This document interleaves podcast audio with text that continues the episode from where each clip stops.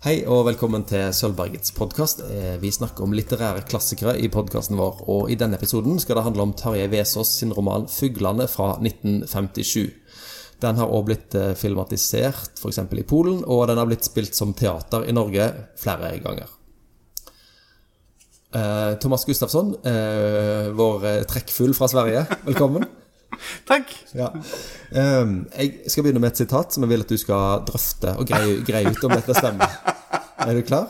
Ja. Og så kan du få tippe hvem som har sagt det i tillegg. ja. Bob Dylan. Det, det, jeg kan si at Bob Dylan er feil. Her kommer sitatet. Ingen som blir fans av Tarjei Vesaas når de er 16, kommer til å stille opp i Paradise Hotel. Wow! Å, hvem som har sagt det? Er det noen som du tror jeg vet hvem det er? Jeg tror du vet hvem det er. Jeg sier at det er Janne Stigen Drangsvold. Og du er ganske nær, eh, geografisk sett iallfall. Stavanger? Er det Stavanger? Ja. Jeg vet ikke. Okay, vi, vi kan avsløre det i slutten av okay. episoden. Stay tuned, så får dere vite hvem det var. Men er du enig i dette utsagnet? At hvis du leser Tarjei Vesaas i din ungdom, så kommer du til å bli eh, såpass opplyst at du ikke melder deg på reality-serier med lite klær? Altså, Vilkåret her var jo at man måtte, at man måtte bli fan av det også. Ja. Uh, og, så om du blir fan av uh, Terje Vesaas, så tipper jeg at da har du kommet i den typen eh, spor på livet at du ikke vil være med i, den, eh, i, den TV, i det TV-programmet.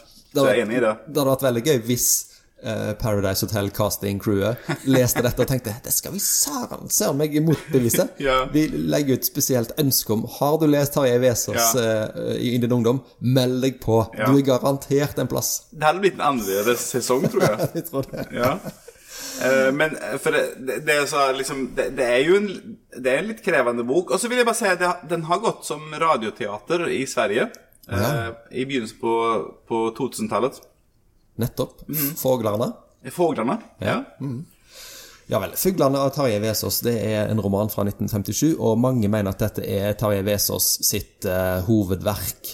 Dette er på en måte hans eh, ypperste roman, og han har jo skrevet en del ganske mye mer eksperimentelle ting enn dette, mens 'Fuglene' har uh, litt mer uh, folkelig, hvis en kan si det sånn. At Ja. her, her får han inn Vesaas sin symbolikk kombinert med en historie som alle kan henge med på, egentlig. Ja. Ja.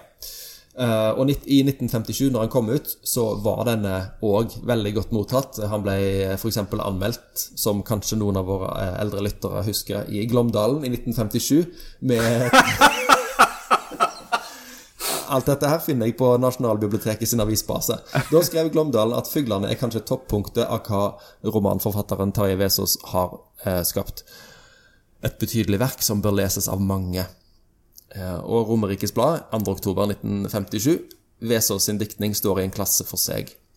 Så eh, Thomas, hva er det her for ei bok, 'Fuglene'? Hva er det det handler om? Jeg bare tenkte på noe. Eh, I 57, da var han, var han i begynnelsen av 60-årene. da. Han var ganske langt, han, ganske langt eh, ganger i sin karriere, mener jeg. sant? Jeg, jeg tror noen Når jeg forberedte meg til den, så, så sto det at eh, de, eh, de som skrev om boken, tippa at eh, den utspiller seg på 30-tallet. Ok, ja. Mm. Og at eh, siden Mattis er 37 år i boken, så tipper de at, eh, at, eh, at det, var, det var på grunn av det. Fordi at på det, om det var på 30-tallet, så var eh, Terje Jesus like gammel som det. Så at han er født i, slutten på 1800-tallet, det har han ikke sjekka opp. Men i så fall betyr det at han hadde kommet eh, ganske langt i sitt forfatterverk da når han skrev 'Fuglene', og at, eh, at folk syntes det var hans beste når den kom, da. ja. Og eh, tilbake til spørsmålet. Til spørsmålet. Ja. jeg skulle också gjøre det.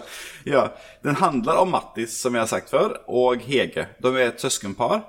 Um, og Mattis er liksom, om man sier sånn, eh, ikke helt som de andre barna.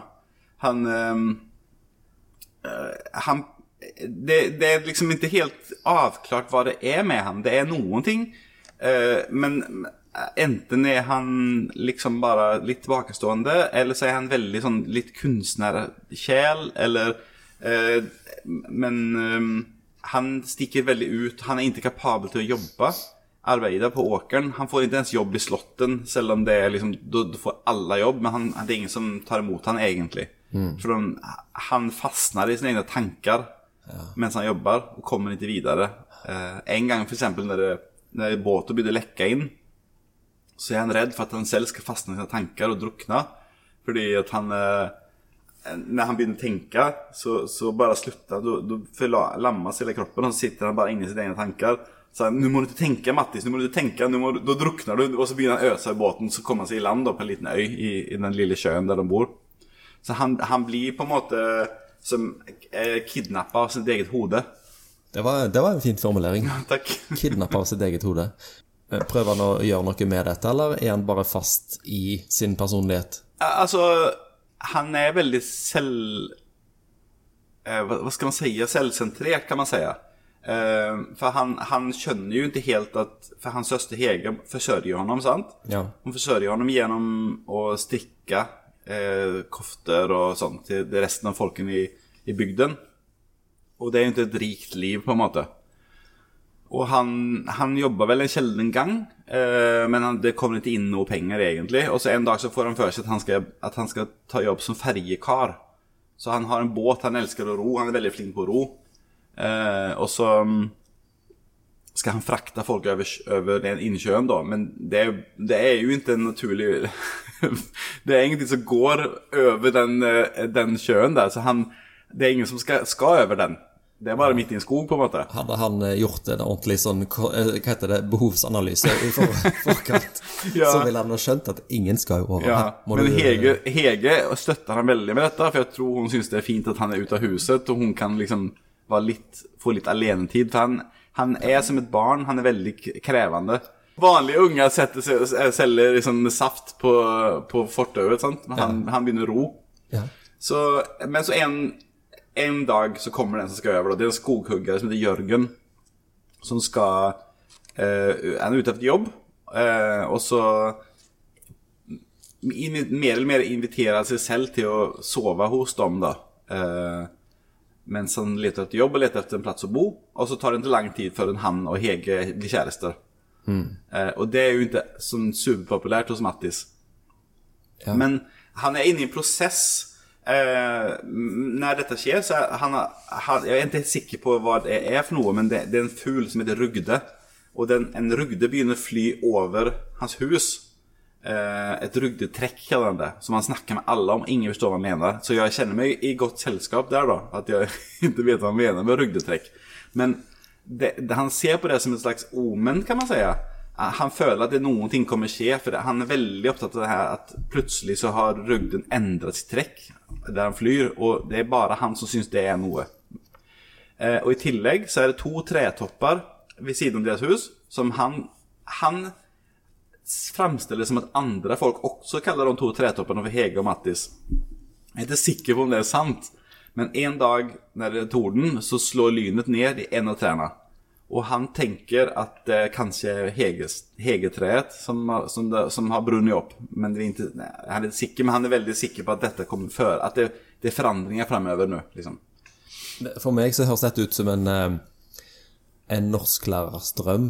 At det, kan, det er så eh, det, det spilles sånn opp mot å tolkes Ja. i alle, i, på alle nivåer, høres Ja. ut som. Og det Altså- det er jo skrevet masse hovedoppgaver om Vesaas Ja. og om denne boka her. Så, ja. um, så hvordan klarer han å kombinere det åpenbart ganske sånn symboltunge språket med eh, en historie som du òg kan lese bare som en historie? Ja, eh, det er bra at du spør, Åsmund. For jeg... Nei, altså som, om de som hører på dette, som play hører på dette, vet at jeg, jeg er en ganske sånn eh, eh, Ikke akkurat overfladisk leser, men jeg, jeg leser teksten stort sett for hva det er. Eh, og jeg har ikke så veldig behov for å tolke så mye. Eh, men det er tydelig at for han så alt, de, her tingene som skjer, er veldig tydelige Men, han, man, men man forstår ikke helt på hva. Men det er et tegn på, på noe, da. Eh, men jeg vet ikke om Min favoritt i denne boken er slutten. Eh, og jeg vet ikke om vi Skal vi ha en sånn spoilervarning? For, eller skal vi bare la være å snakke om det? Uh, Vi trenger ikke å spoile slutten, men for meg, som har lest en del bøker og sett en del TV, så høres det så høres det ut som det går mot et slags blodig klimaks i dette trekantdramaet. Hadde, Ja. det- hadde det vært en, en film på TV, så hadde jeg regnet med at noen kommer til å dø. Ja.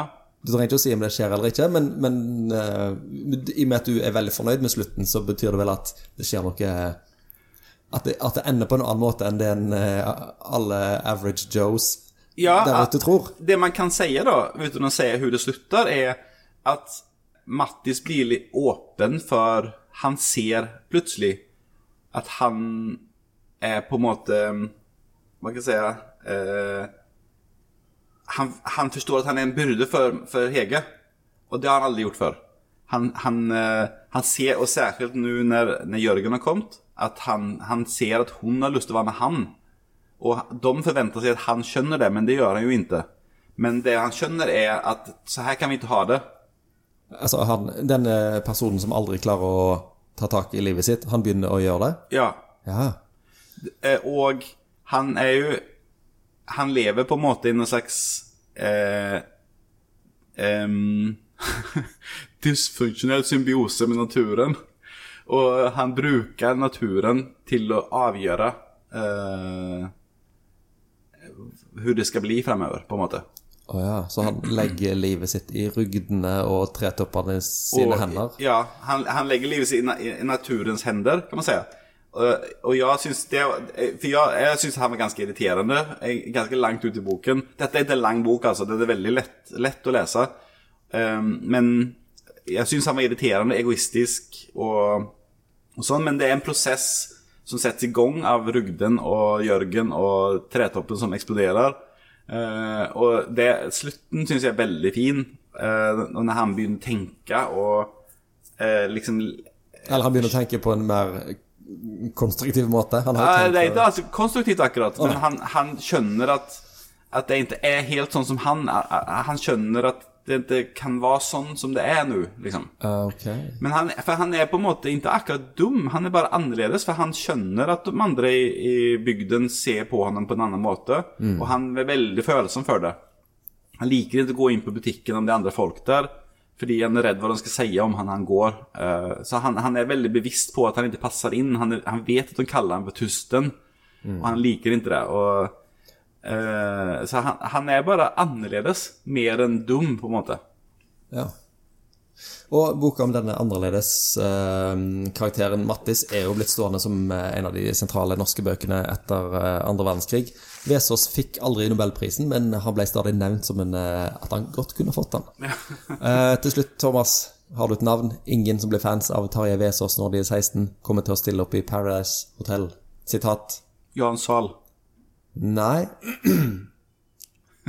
Hvor mange ganger skal jeg gjette, da? En gang til. En kjent forfatter fra Rogaland. Tore Renberg? Riktig. Nice. Tore Renberg har skrevet det i et eh, fint uh, eh, essay som dere kan se link til i beskrivelsen til denne episoden. Ok, flott. Trengte så mange forsøk, altså.